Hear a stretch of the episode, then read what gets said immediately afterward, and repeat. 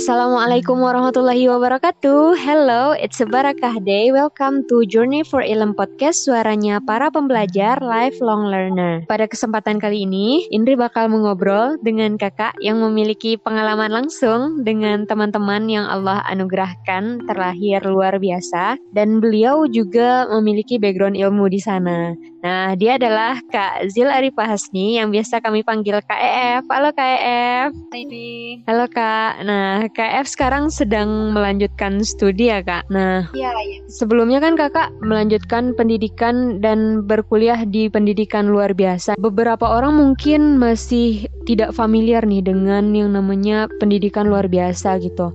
Nah, pendidikan luar biasa ini jurusan ini yang membedakannya dengan pendidikan yang lain itu apakah hanya karena targetnya itu anak-anak luar biasa atau ada yang berbeda nggak sih Kak? Iya sih kalau dari nama memang yang anak-anak luar biasa, memang targetnya memang untuk mereka gitu. Nah, apa aja sih Kak yang dipelajari di jurusan pendidikan luar biasa ini? Kalau untuk di sini ya kak kemarin kan kuliahnya di salah satu universitas di Kota Padang gitu ya.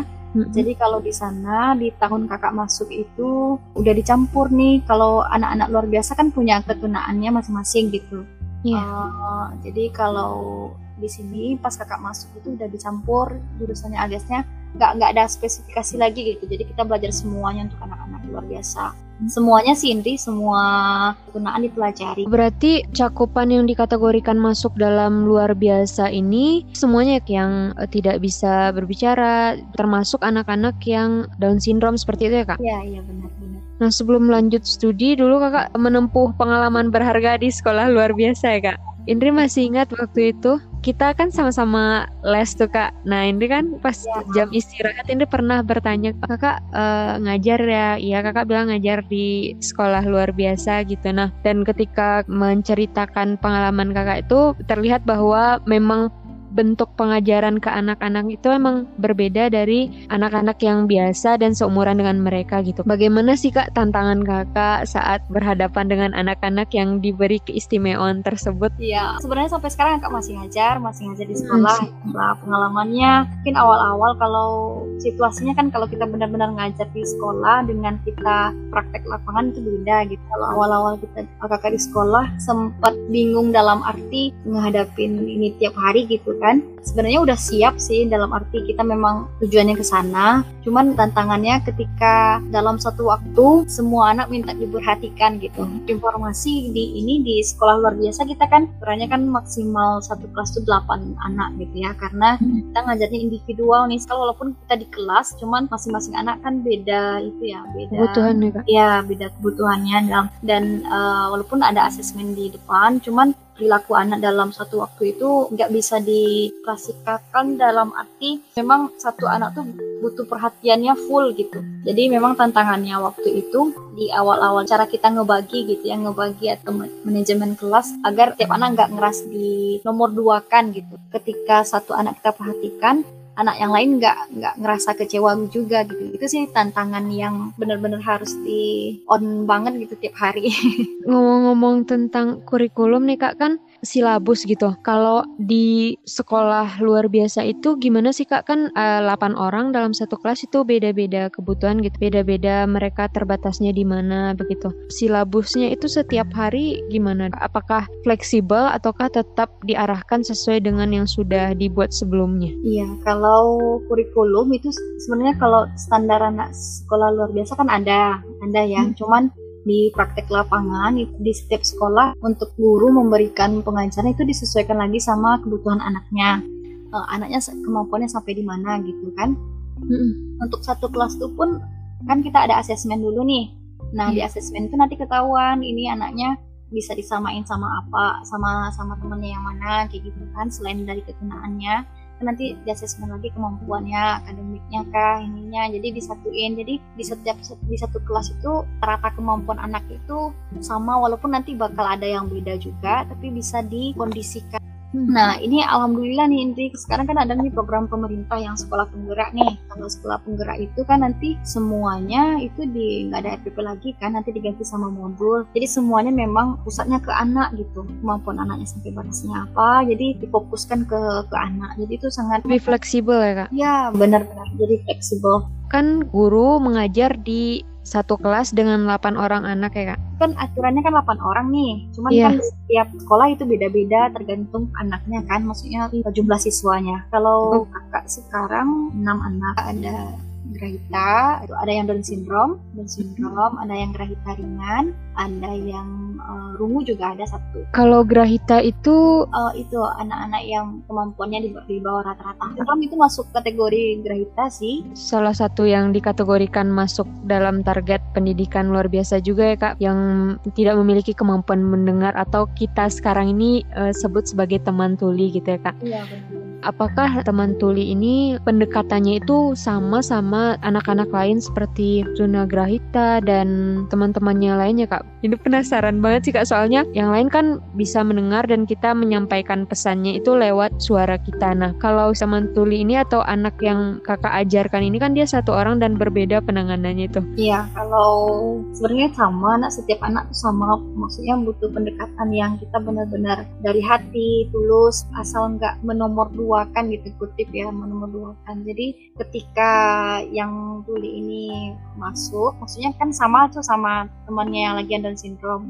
Mereka punya udah punya komunikasi sih jadi nggak nggak nggak begitu susah untuk menyesuaikan. Di pasti kelas itu ketika kakak sama yang tuli anak tuli bahkan nanti bisa beliau nanti di kita satu mejain gitu ya sama anak Indonesia bisa ini gitu. Seperti anak-anak yang lain juga gitu. Cuman bedanya di situ aja sih. Ketika ngomong sama yang ini kan kita nggak bisa nih. Harus hadap mereka kan. Nggak bisa sambil jalan ngomongnya. Nggak bisa iya. sambil belakangin gitu. Tapi memang ya ngadap ke anaknya agar dia bisa lihat kita gitu kan. Jadi ngerti maksud kita apa. Kan bertemu dengan guru ini uh, dalam hitungan jam gitu ya kak. Dan mereka mungkin kembali lagi ke rumah dan kembali lagi ke lingkungan rumah mereka gitu. Seberapa besar sih kak peran lingkungan yang perlu sadar akan khususnya di sini uh, teman tuli gitu kak? Teman-teman tuli itu kayak sekarang masih masih ada yang mikir mereka aneh gitu ya mereka aneh karena gerak-gerak tangan gitu atau pas mereka agak heboh nih kalau ketemu sama teman-teman tuli yang lain gitu kan. Jadi harapannya sih di di, di masyarakat itu nggak ada yang apa ngelihat aneh lagi gitu karena memang support dari lingkungan, support dari keluarga itu sangat memberikan kekuatan yang lebih ke mereka kayak gitu. Karena semua yeah. anak terkhusus anak-anak yang luar biasa itu memang butuh banget support dari keluarga maupun masyarakat. Dengan support itu mereka bisa merasa nyaman gitu, walaupun mereka berbeda tapi nggak dibedain gitu. Kan salah satu anak public figure gitu kan ya kak Iya, iya, beliau kan juga tulis seperti itu. Itu Indri baru aja ngelihat story beliau yang uh, bahasa mereka itu dengan isyarat seperti itu ya kak. Mm-hmm ada yang mengomentari itu kok mulutnya nggak dipakai kok gerak-gerak tangan doang? Nanti beneran nggak bisa ngomong loh. Gitu. Maksudnya literasi mereka terkait ini nih kayaknya masih minim gitu dan penting banget ya kak menggaungkan hal ini gitu. Nah bulan ini tuh sering disebut sebagai bulan kesadaran tuli nih kalau Indri lihat-lihat kan kak. Dan salah satu hari di bulan ini tuh di September disepakati sebagai bahasa isyarat internasional yang Tujuannya ya itu untuk meningkatkan kesadaran akan pentingnya bahasa isyarat dalam sarana komunikasi mereka ya Kak teman-teman tuli ini. Nah, kalau bahasa isyarat ini yang cara teman tuli ini untuk bisa berkomunikasi dengan sesamanya maupun kita kayak bahasa verbal nggak sih Kak? Dia macam-macam jenisnya atau dia juga punya format bakunya sendiri Kak? Nah, ini ini sebenarnya juga PR ya untuk uh, kita semua. Dia sebenarnya di Indonesia itu kan ada dua jenis nih. Ada yang CB, ada yang Bisindo gitu kan. Nah, CB ini kalau diibaratkan gitu ya, kalau CB ini bahasa bakunya, kalau diibaratkan ya dianalogiin, hmm. CB-nya bahasa Indonesia, yang Bisindo-nya bahasa daerah nih, masih belum ada bahasa isyarat setiap daerah tuh yang sama artinya maksudnya yang baku yang bisa dipakai untuk semua teman-teman tuli di mana pun berada gitu ya dari Sabang sampai Merauke walaupun isyarat ini setiap daerah nggak sama bukan berarti beda total tapi memang ada beberapa isyarat yang berbeda di setiap daerah misalnya dari Sumbar Padang itu ada beberapa kata ada yang berbeda dengan Jawa gitu kalau informasi dari Gerkatin gitu ya organisasi teman-teman tuli kita butuh waktu penelitian yang cukup lama untuk menyamakan bahasa isyarat kita gitu. Ada teman-teman tuli itu yang nggak ngerti CB gitu, maksudnya CB ini kan kepanjangannya sistem isyarat bahasa Indonesia. Hmm. Uh, jadi uh, kalau informasi dari berkatinnya dari teman-teman tuli yang menciptakan CB itu kan uh, masuk teman-teman yang bisa dengar gitu kan teman-teman. Jadi kalau yang bisa ini dari mereka sendiri dari teman-teman tuli kayak gitu. Oh, nah, sayangnya di Sindo antara antar daerah tuh masih ada yang belum sama gitu Oh, Tapi kalau di sekolah mereka juga diajarkan bahasa isyarat ini gitu ya kak? Dari guru, ya itu tanggung jawab guru juga kan untuk menambah kosakata anak. Soalnya nah. kan teman-teman tuli kan itu ya apa masalahnya di kosakata gitu kan. Soalnya kita bisa ngomong kayak gini kan karena kita bisa dengar nih, kita iya. bisa dengar, kita bisa lihat, sehingga kita bisa mengulang ucapan yang kita dengar gitu kan. Tapi sayangnya di teman-teman tuli mereka bisa lihat, cuma mereka nggak bisa ngucapin karena nggak bisa dengar. Nah karena itu makanya itu kan pakai bahasa isyarat itu uh, kosakata mereka kan agak agak minim. Hmm. Jadi kalau sekolah fungsinya mungkin nanti akan menambah kosakata teman-teman tuli.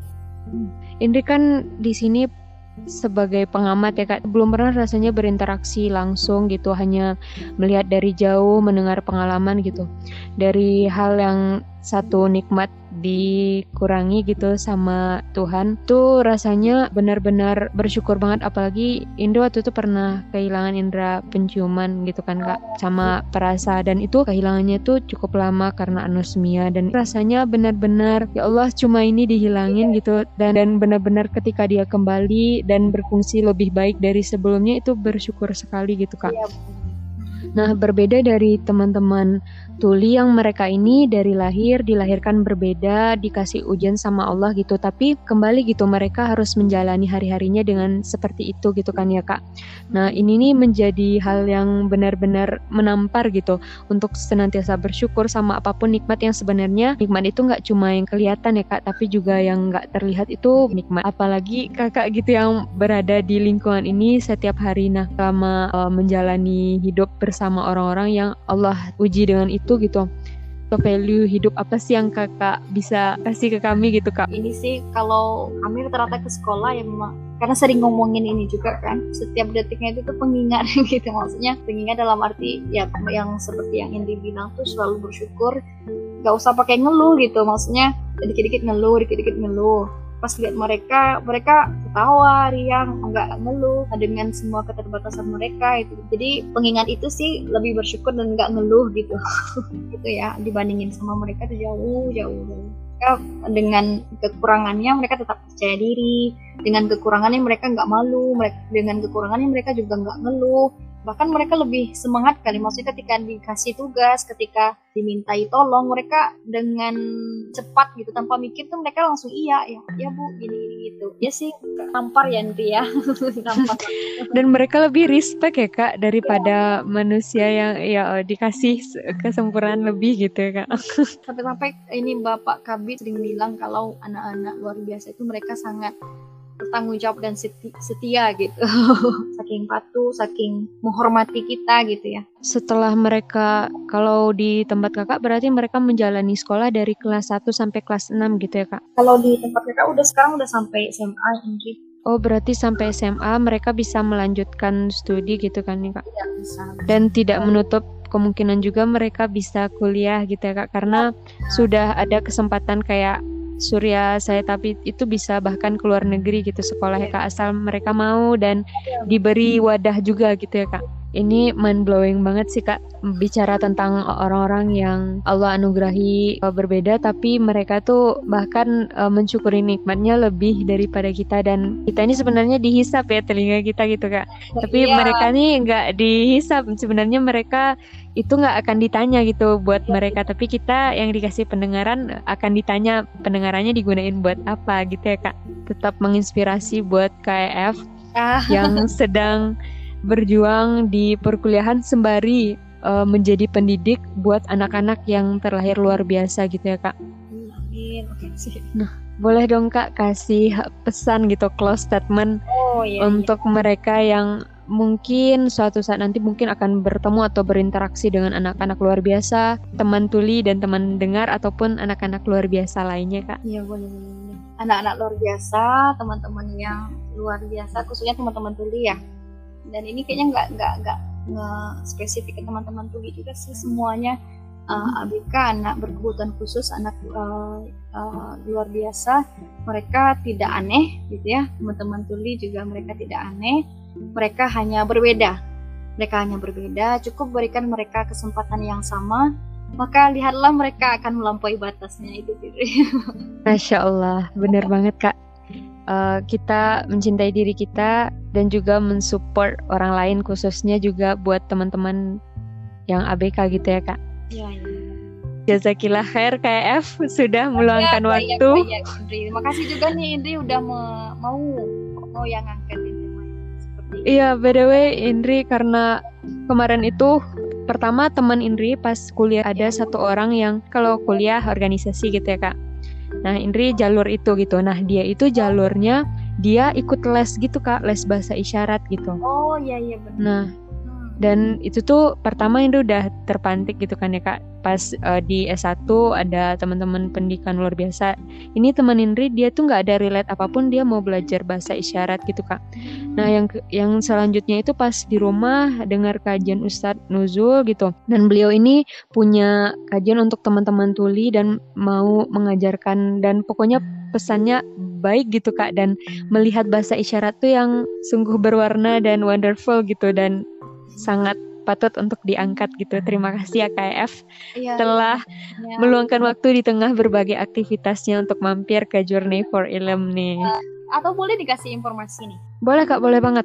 Iya, kan suka kebetulan Indi juga bilang tadi kan yang teman Indri yang nggak nggak misalnya nggak nyambung gitu ya sama yeah. pendidikan luar biasa sama sekali tapi beliau mau uh, belajar bahasa isyarat yeah. tolong sampai ini Indri ucapan terima kasihnya ini sekalian juga nih sama buat teman-teman melalui podcast Indri ini kalau ada teman-teman yang berminat untuk belajar bahasa isyarat itu ucapannya terima kasih banyak dan harapannya sih makin banyak nih Indri orang yang uh, bakal belajar bahasa isyarat agar uh, teman-teman tuli bisa lebih luas kan aksesnya untuk ngapa-ngapain kayak gitu.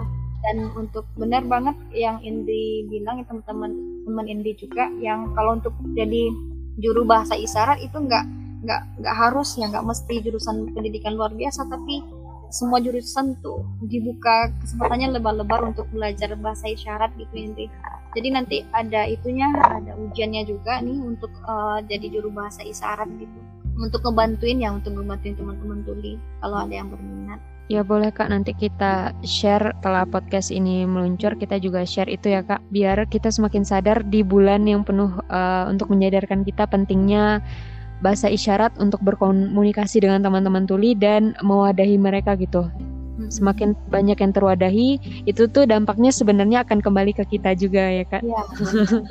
Benar benar. Tak terasa kita sudah mengobrol cukup lama dan uh, kita cukupkan ya kak.